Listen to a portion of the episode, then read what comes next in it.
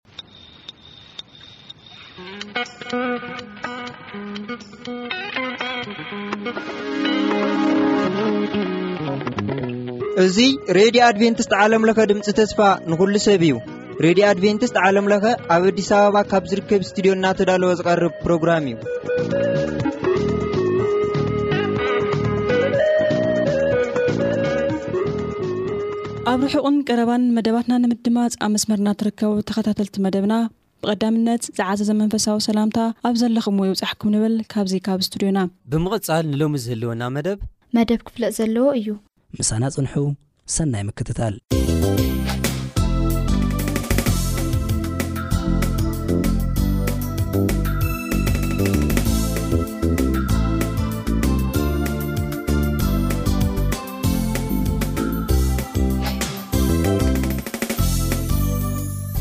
ብጎይታ ብየሱስ ክርስቶስ ዝተፈተኹም ክቡራት ኣሕዋትን ኣሓትን ሎሚ ሓደ ኣርእስቲ ቀሪበልኩም ዘለኹ ናብ እግዚኣብሄር ዝጠመተ ጸሎት ዝብል ኣርእስቲ እዩ እዚ መሰረት ቃል ኣምላኽ ጥቕሲ ብጥቕሲ ጌርና ክንሪኦ ኢና እሞ ኣብዚ ዘሎናዮ እዋንን ግዜን ብዙሕ ጸሎት ይግበር እዩ ጊን ናብ እግዚኣብሔር ዝጠመተ ጸሎት ክኸውን ከም ዘሎ ካብ መጽሓፍ ቅዱስ ኣነን ንስኹምን ሕጂ ክንመሃር ኢና እሞ ነቲ ነቲ ህያው ዝኾነ ቃል ዝገልጸልና መንፈስ ቅዱስ ስለ ዝኾነ ንዕኡ ብጸሎት ክንዕድሞ ኢና ልዑል እግዚኣብሔር ኣቦና ምስጋና ክብሪ ዕቤት ኩሉ ንዓኻ ይኹን ኣብዛ ምድሪ እዚኣ ዘኽታማት ክንኮይንና ክንነብር ስለ ዘይሓደግካና ከምቲ ቀደም ነቦታትና ብብዙሕ ሳዕን ብብዙሕ መንገድን ከም ተዛረብካዮም ንዓና እውን እግዚኣብሔር ኣምላኽ ብዝተፈላለየ መንገዲ ጌርካ ትዛረበና ትምዕደና ትመኽረና ብምህላውካ ነመስግነካ ኣለና ማእታን ከይንጠፍእ ህይወት ማእታን ክንረክብ ትገብሮ ዘለኻ ፃዕሪ ልዑል እሞ ነመስግነካ ሕጂ ኸ ንዓይን ነሕዋተይን ዝኸውን ቃል ኣለካ ብዛዕባ ጸሎት ክትምህረና ናባኻ ዝጠመተ ጸሎት፣ ኣንፈቱ ናባኻ ዝገበረ ጸሎት ከነዕርግ ከመይ ጌርና ናባኻ ክንቀርብ ከም ዝግብኣና ብመሰረት ቃልካ ገልጸልና ኣቦ ንልምነካ ኣለና ስለ ስሙ የሱስ ክርስቶስ ኣሜን። ክቡራት ኣሕዋት ናብ እግዚኣብሔር ዝጠመተ ጸሎት ክንብል ከለና ናብ ካልእ ዝጠመተ ጸሎት ከ ኣሎዶ ኢልና እውን ንሓስብ ንኸውን ኢና። መቸም ኣብዚ ምድሪ እዚ ብዙሕ ዓይነት ጸሎታት እዩ ዝካየድ ዋላ ኣብቲ ክርስትና ውን ከይተረፈ ኣብ ኣምላኽ ዘሎና ኣረኣያ ንሱ ነቲ ጸሎትና ዝተፈላለየ ክገብሮ ይኽእል እዩ ማለት እዩ እሞ ሎሚ ንሪኦ ምርኩስ ንገብረሉ ጽሑፍ ኣብ ማቴዎስ ምዕራፍ ሽዱሽተ ካብ ሓሙሽተ ክሳብ ሸሞንተ ዘሎ እዩ ንስኻትኩም ክትጽልዩ ከለኹም ጅክ ብኸመይ መንገዲ ናብ እግዚኣብሔር ክንቀርብ ከም ዝግባእና ጎይታናን መድሓኒና የሱስ ክርስቶስ ኣብነት ይብልና እዩ ንሱ ንባዕሉ ክጽሊ ከሎ ከመይ ኢሉ ይጽሊ ከም ዝነበረ ከመይ ገይሩ ናብ ኣቦ ይቐርብ ከም ዝነበረ ኢና ክንርኢ ማለት እዩ እሞ ንስኻትኩም ይብለና ንስኻትኩም ክትጽልዩ ከለኹም እቶም ጉብዛት ብሰብ ምእንቲ ክረኣዩ ኣብ ኣባይቲ ጾለትን ኣብ ቀራናታት መንገዲ ደው ኢሎም ክጽልዩ ይፈቱ እሞ ከማታቶም ኣይትኹኑ ዓስቦም ከም ዝውሰድ ብሓቂ እብለኩም ኣለኹ እዚ ሕጂ እዚ ዓይነት ጸሎት እዚ ንሪኦ ዘለና ናበይ ዝጠመተይ ናብ ሰብ ዝጠመተ ማለት እዩ ናብ ሰብ ዝጠመተ እዩ ሰባት ማእታን ክረኣይሎም ዝጽልይዎ ጸሎት ነይሩ ፈሪሳውያን ዝገብርዎ ማለት እዩ ማእታን ሰባት ክንእድዎም እዚኣቶም ደኣ ናይ ሃይማኖት ሰባት እዮም ናይ እምነት ሰባት እዮም እዚኦም ቅዱሳን እዮም ማእታን ክበሃሉ ሰባት ማእታን ክንእድዎም ኣብ ሰባት ክብሪ ማእታን ክረኽቡ ዝና ማእታን ክረኽቡ ዝገብርዎ ነገራት ኣሎ ብቲ ቀራና መንገዲ ብቲ ብዙሓት ሰባት ዝሓልፍሉ ኣብኡ ተንበርኪኾም ደኒኖም ናብ እግዚኣብሔር ይፅልዩ ነይሮም ግን እዚ ግን ናብ እግዚኣብሔር ዝጠመተ ጸሎት ኣይኮናን ንብሎ ማለት እዩ ኣንፈቱ ናብ ሰባት ዝጠመተ እዩ ንሕና ከመይ ጌርና ራ ክንፅሊ ይግባኣና ንዝብል ሕቶ ኣብ ፍቕዲ ሽዱሽተ ይምልሰልና። ንስኻስ ክትጽሊ ከሎኻ ኣራይ ናብ ቤትካ እቶ፣ ማዕጾኻ ዕጾ፣ ነቲ ብሕቡእ ዘሎ ኣቦኻ ለምኖ፣ እቲ ብሕቡእ ዝርኢ ኣቦኻ ድማ ብግህዶ ክኽሕሰካ እዩ። ስለዚ ንስኻን ኣምላኽካን ጥራሕ ማለት እዩ። ማዕጾኻ ዕጾ ክብለና ከሎ ኣብዚ ጎጆ እዚ ንስኻን ኣምላኽካን ጥራሕ እትራኸበሉ መስርሕ እዩ ማለት እዩ ሕጂ ጸሎት ናብ እግዚኣብሄር ዝለኣኽ ደብዳቤ እዩ ማለት እዩ ጸሎት ምስ እግዚኣብሄር እሂን ምሂን ኢልካ እትዘራረበሉ ዝርርብ እዩ ጸሎት ምስቲ እትፈትዎ እተፍቅሮ ምስኡ እትገብሮ ናይ ፍቕሪ ዝርርብ እዩ ማለት እዩ ስለዚ እንታይ እዩ ማዕፆኻ ዓፂኻ ብሕቡእ እግዚኣብሔር ኣምላኽካ ጥራሕ ክፈልጦ ኣሎ እግዚኣብሔር ኣምላኽካ ጥራሕ ጉዳይካ ክሪኦ ኣሎ እቲ ደብዳበኻ ናብኡ ጥራሕ ዝጠመተ ክኸውን ከም ዘሎ ማለት እዩ ድሓር ይቕፅል ፍቕሪ ሸውዓተ ክትፅልዩ ከለኹም ከዓ ኣህዛብ ብምብዛሕ ዘረቦም ዝስምዑ ይመስሎም እሞ ከመታቶም ዘረባ ኣይተብዙሕ እዚ እዩ ዶሎ ሕጂ እቲ ሽግር ሕጂ እውን ኣሎ ከምቲ ኣብ ግዜ ጎይታናን መድሓኒና የሱስ ክርስቶስ ዝነበረ ጸሎት የንውሑ ጸሎት ምምንዋሑ እግዚኣብሔር ዝሰምዖም ኮይኑ ይመስሎ ማለት ሕጂ ሽግር ዘሎ እቲ ከባቢና ይጸልወና እዩ ከባቢና ይጸልወና እዩ ናብ ሓደ ሰብ ክትከይድ ከለካ ወይ ናብ ሓደ ሃብታም ክትልምን ከለካ ሓደ ነገር ሓደ ክእለት ዘረባ ዘሎ ሰብ ኢካ ትሰደሉ ማለት ክእለት ዘረባ እንተዘይብልካ ዋላ ክህበካ እንዳደለየ ከሎ ኣይህበካን እዩ ማለት እዩ ስለዚ ልክዕ ንእግዚኣብሄር ከዓ ከምኡ ዝስእልዎ ማለት እዩ እንተ ፀሎት ኣንዊሕና ወይ ፅቡቅ ቃላት ወይ ከዓ ፅቡቅ ቃላት ወሪቕና ናብ እግዚኣብሄር እንተ ቀሪብና ንሱ ክሰምዓና ይኽእል እዩ ዝብል ኣተሓሳስባ እንተ ሃልዩ እዚ ናይ ኣህዛብ ፀሎት እዩ ዝበሃል ናይ ኣህዛብ ፀሎት ከምኣቶምሲ ዘረባ ኣይተብዝሑ ሕጂ ብምብዛሕ ጸሎሲ እግዚኣብሔር ዝሰምዖም ኮይኑ ይስምዖም ዋላ ሓሙሽተ ቃላት ይኹና ኤልያስ ክጽሊ ከሎ ኤልያስ ክጽሊ ከሎ ምስቶም ኣብቲ ምስቶም ኣርባዕተ ሚእትን ሓምሳ ነቢያት ኣብ ቀርሜሎስ ኣክቡለይ ምስ በሎም ንኣክኣብ ኣብኡ ምስ ተኣከቡ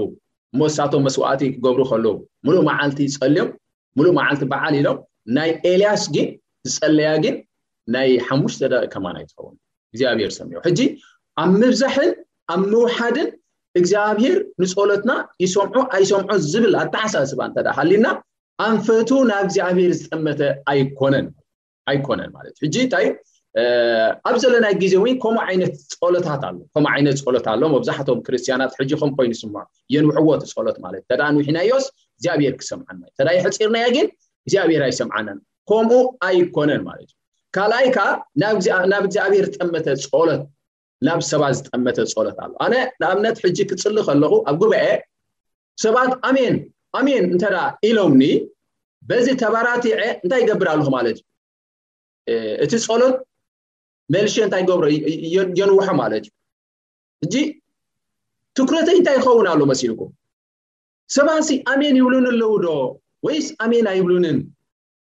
ትኩረተይ ናብቶም ሰባት ከመይ ዓይነት ቃላት ከ የቕርብ ኣለኹ? ደስ ዘብል ቃላት ድዩ ንኽሰምዕዎ እቶም ኣመንቲሲ ደስ ዘብል ቃላት ድዩ ዝገብር ዘለኹ ኢልና ንሓስብ ኢና። ሓደ ሓደ ግዜ ከምኡ ክኸውን የብሉን። ኩሉ ግዜ ኣብ ጉባኤ ክንጽሊ ከለና ሰባት ኣሜን ይበሉ ኣይበሉ ብዘየገድስ እቲ እግዚኣብሔር ኣምላኽ ዘንበረልና ሓሳባት ብቐጥታ ናብ እግዚኣብሔር ክነቕርቦ ይግባኣና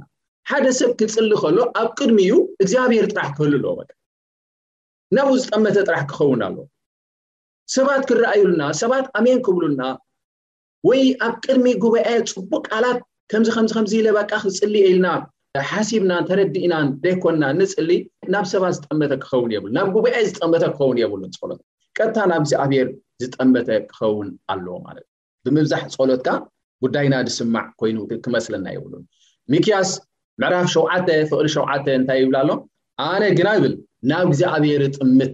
ንኣምላኽ ምድሓነይ እውን ተስፋ እገብር ኣለኹ ኣምላኸይ እውን ክሰምዓኒ ሕጂ ኣነ ግና ናብ እግዚኣብሔር እጥምት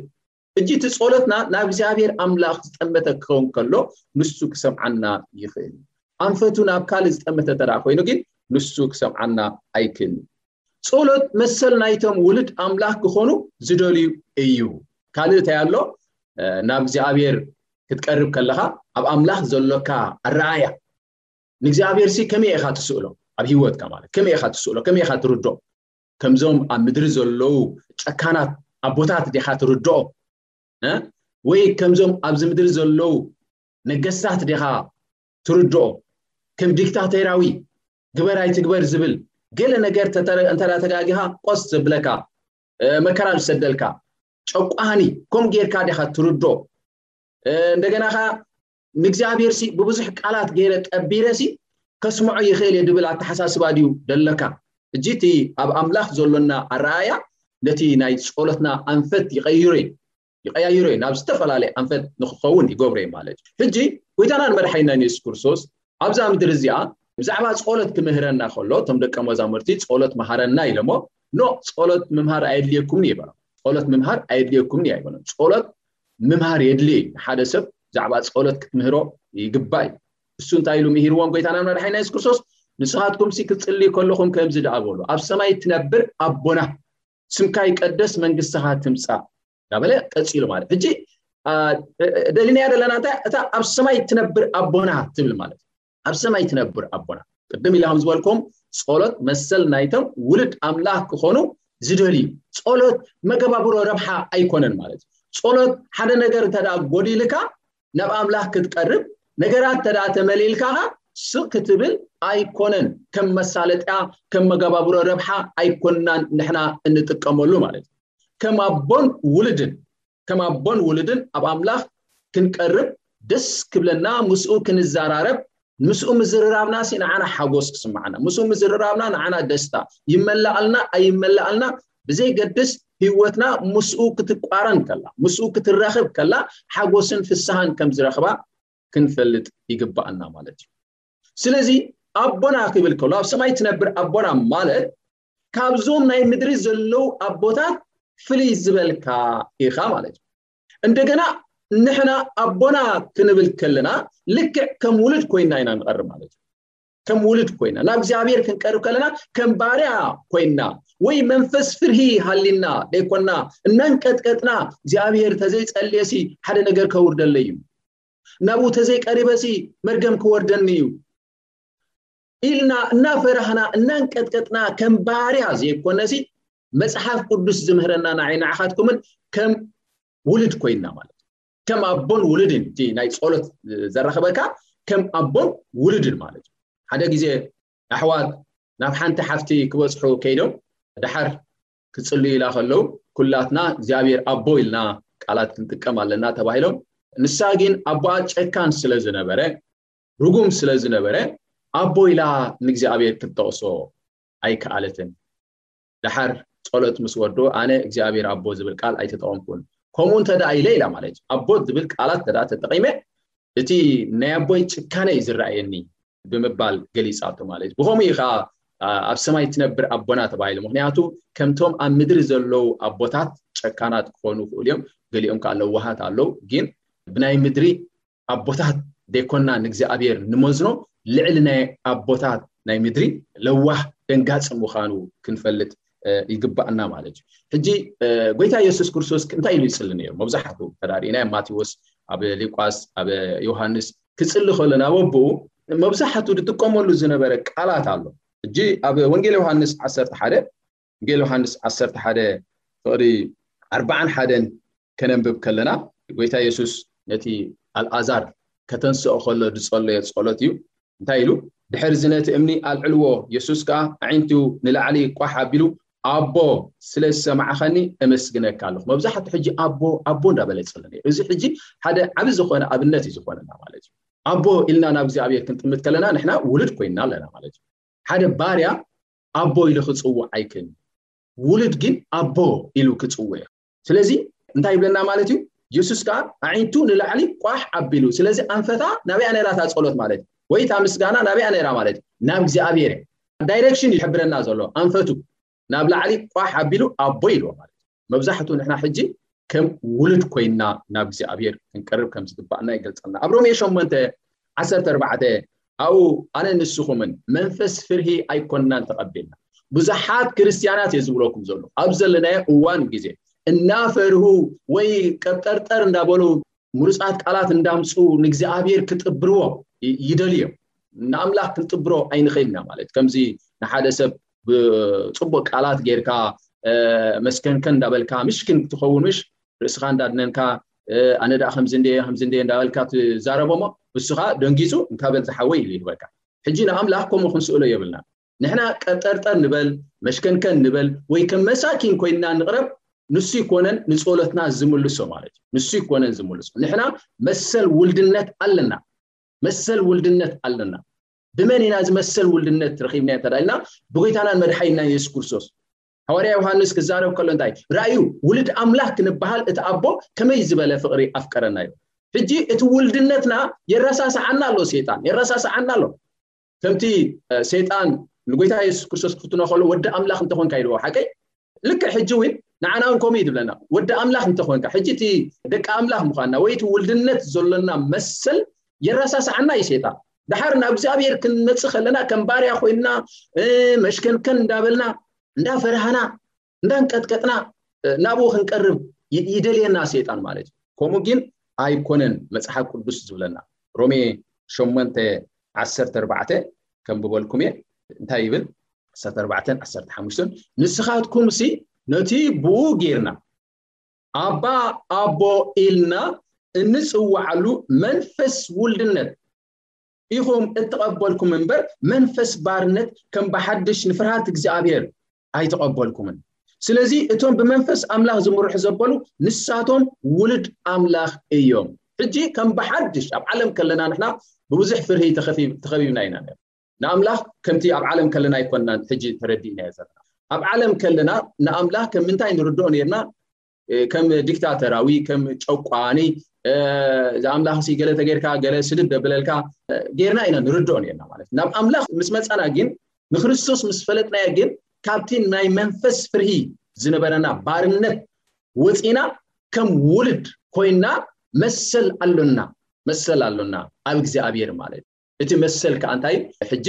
ሓደ ቆልዓ ነቡ ክልምኖ ከሎ ነቦኡ ክልምኖ ከሎ ሓደ ፍቅሪ ኣለዎ ኣብ ኣቦኡ ፍቅሪ ኣለዎ ኣቦ ከዓ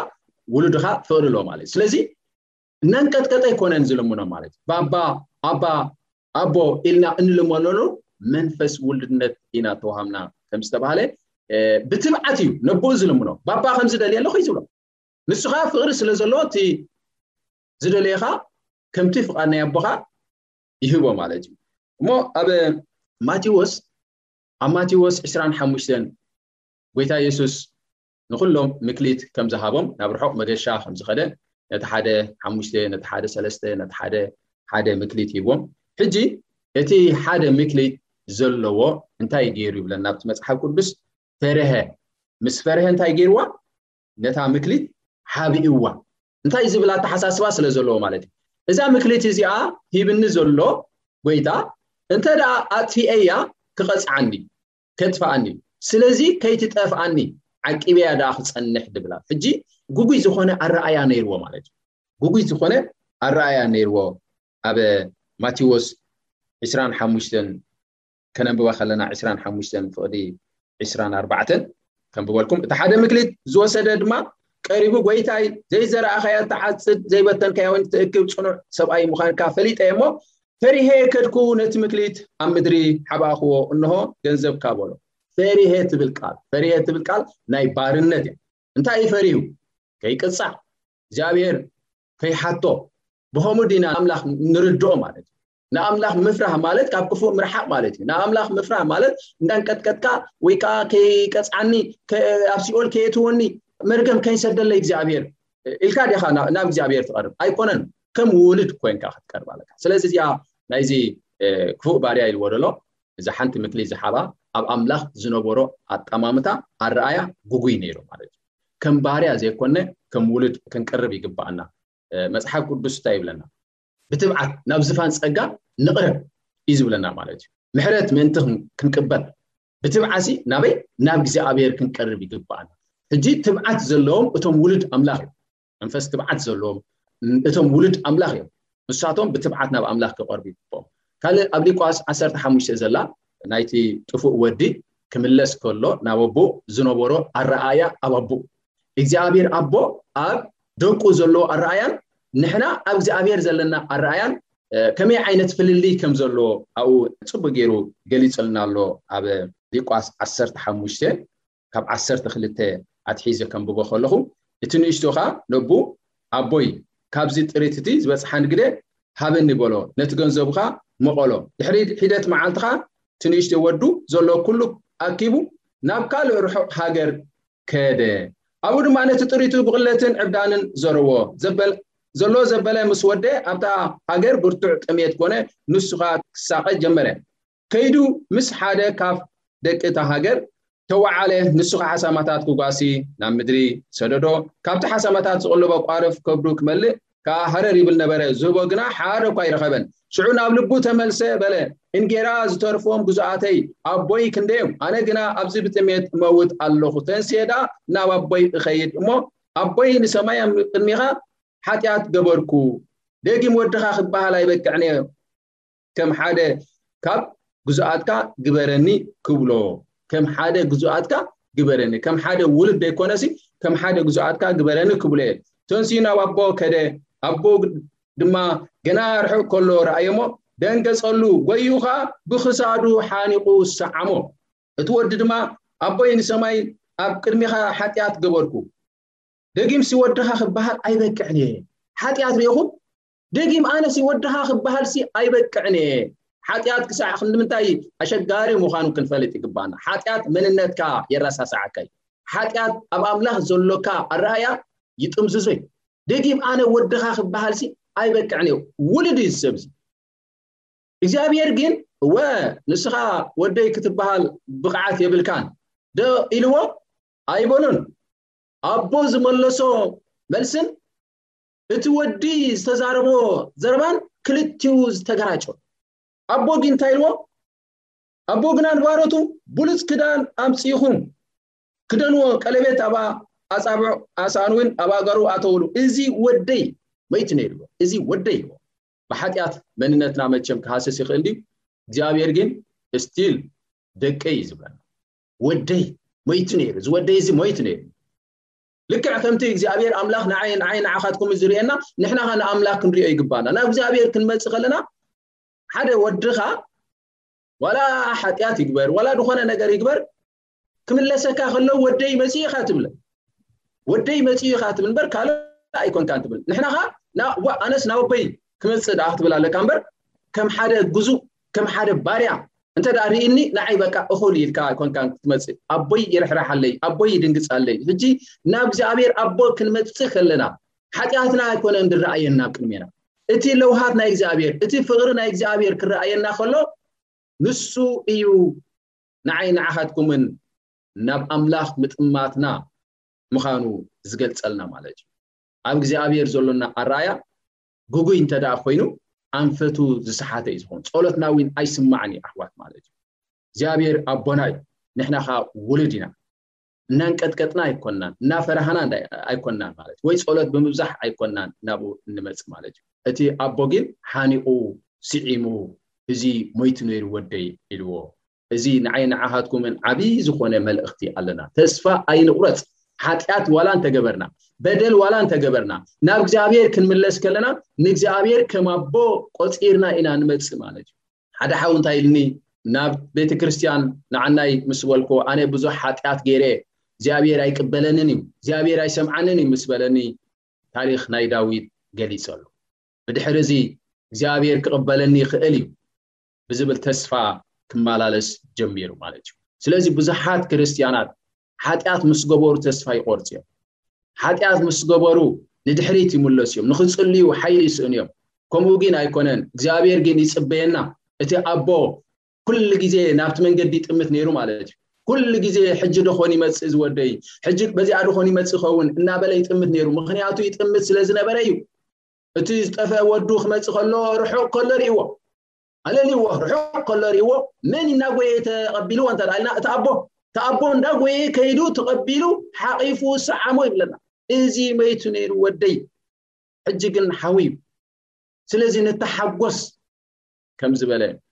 ስለዚ እግዚኣብሔር ኣቦና ብጥፍኣትና ዝሕጎስ ኣይኮነን ንሕና ካብኡ ምስ ንርሕቕ ልቡ ይትንከፍ ንሕና ካብኡ ኣዚና ምስ ንፍለ ውሽጡ ይትንከፍ እዩ ናብኡ ምስ ንቐርብ ከኣ ይሕጎስ ባህ ይብሎ ማለት እዩ ንሰናይና ንጽቡቕና ዝሓስብ ኣምላኽ እዩ ዘለና ዲክታተራዊ ኣይኮነን እግዚኣብሔር ኣምላኽ ለዋህ ደንጋጺ ብምዃኑ ኢና ምሕረቱ ርኢና ኢና ናብ እግዚኣብሔር ንቐርብ ማለት እዩ እሞ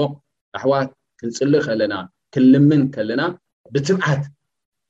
ብትብዓት ክንጽሊ ይግባኣና ብድፍረት ናብ ኣምላኽ ክንቀርብ እዚ ክንዲ ዝኣክል መሰል ንዓይ ንዓኻትኩምን ተዋሂብና ኣሎ እቲ ዘድልየና ዘበለ ድሌትኩም ዘበለ ጸሎትን ልማኖን ምስናይ ምስጋና ኣምላኽ ይፈለጥ እምበር ብገለ እኳ ኣይትጨነቑ ጸሎትና ንክስማዕ ኢልና እንገብሮ ቀብጠርጠር ኣየድልን እዩ ማለት ጸሎትና ክስማዕ ኢልና እንገብሮ ምንዋሕ ጸሎት ኣየድልን እዩ ማለት መሽከንከን እንዳበልና ከም ባርያ ቀብጠርጠር እንዳበልና ዘይኮንናሲ ከም ውሉድ ብትብዓት ናብ ዝፋን ጸጋ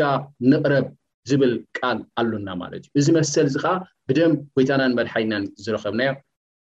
ንነፍሲ ወከፍ ነቶም ውሉድ ኣምላኽ ክኾኑ ዝደልዩ እዚ ጸሎት እዚ እዚ ምህልላ እዚ መሰል ተዋሂብዎም ኣሎ እሞ እግዚኣብሔር ይባርኽኩም ስለ ዝነበረና ሰዓትን ግዜን ንኣምላኽ ከነመስግኖ ኢና። ልዑል እግዚኣብሔር ኣቦና ነመስግነካ ንባርኸካ ኣለና ጐይታይ ስለቲ ኣባና ዘሎካ ኣረኣእያ ከም ውሉድ መሰል ሂብካና እግዚኣብሔር ብወድኻ ብኢየሱስ ክርስቶስ ኣነ ንሕዋተይ ናባኻ ክንቀርብ ከለና ከም ባርያ እንዳፈራህና እንዳንቀጥቀጥና ዘይኮነሲ ከም ውሉድ ብትብዓት መንፈስ ትብዓት ሃሊና እቲ ዘድልየና ክንልምነካ እቲ ዝግባእ ክብሪ ዊን ክንበካ ክንክእል እግዚኣብሔር እጽሊ ልሙና ኣሎ ብዙሓት ኣሕዋትና ኣብ ሓጢኣት ብምእታው ተስፋ ቆሪጾም እግዚኣብሔር ኣይቅበለናን እዩ ብምባል ኣብ ዓለም ዝጨማለቑ ኣለዉ እግዚኣብሔር ንስኻ ንልቦም ተንክፍ ንስኻ ኣቦ ምዃንካ ንስኻ ደንጋጺ ምዃንካ ክፈልጡን ክርድኡን ጐይታ እጽልንምን ኣሎ። እንሆ ንቓልካ ንስኻ ትግሃሉ፣ ንመንገድታትካ ንስኻ ኣብርሃልና። ጸጋኻ ኣብዝሓልና እግዚኣብሔር፣ ኣብዚ መወዳእታ ዘመን'ዚ ንኽብርኻ ንሰናይካ ደው ክንብል፣ ከም ከዋኽብቲ ክተብርሃና ኣብዛ ጸልማት ዓለም'ዚኣ ንፍትንካ ኣለና። ስለዝሰማዕኻና ጸሎት።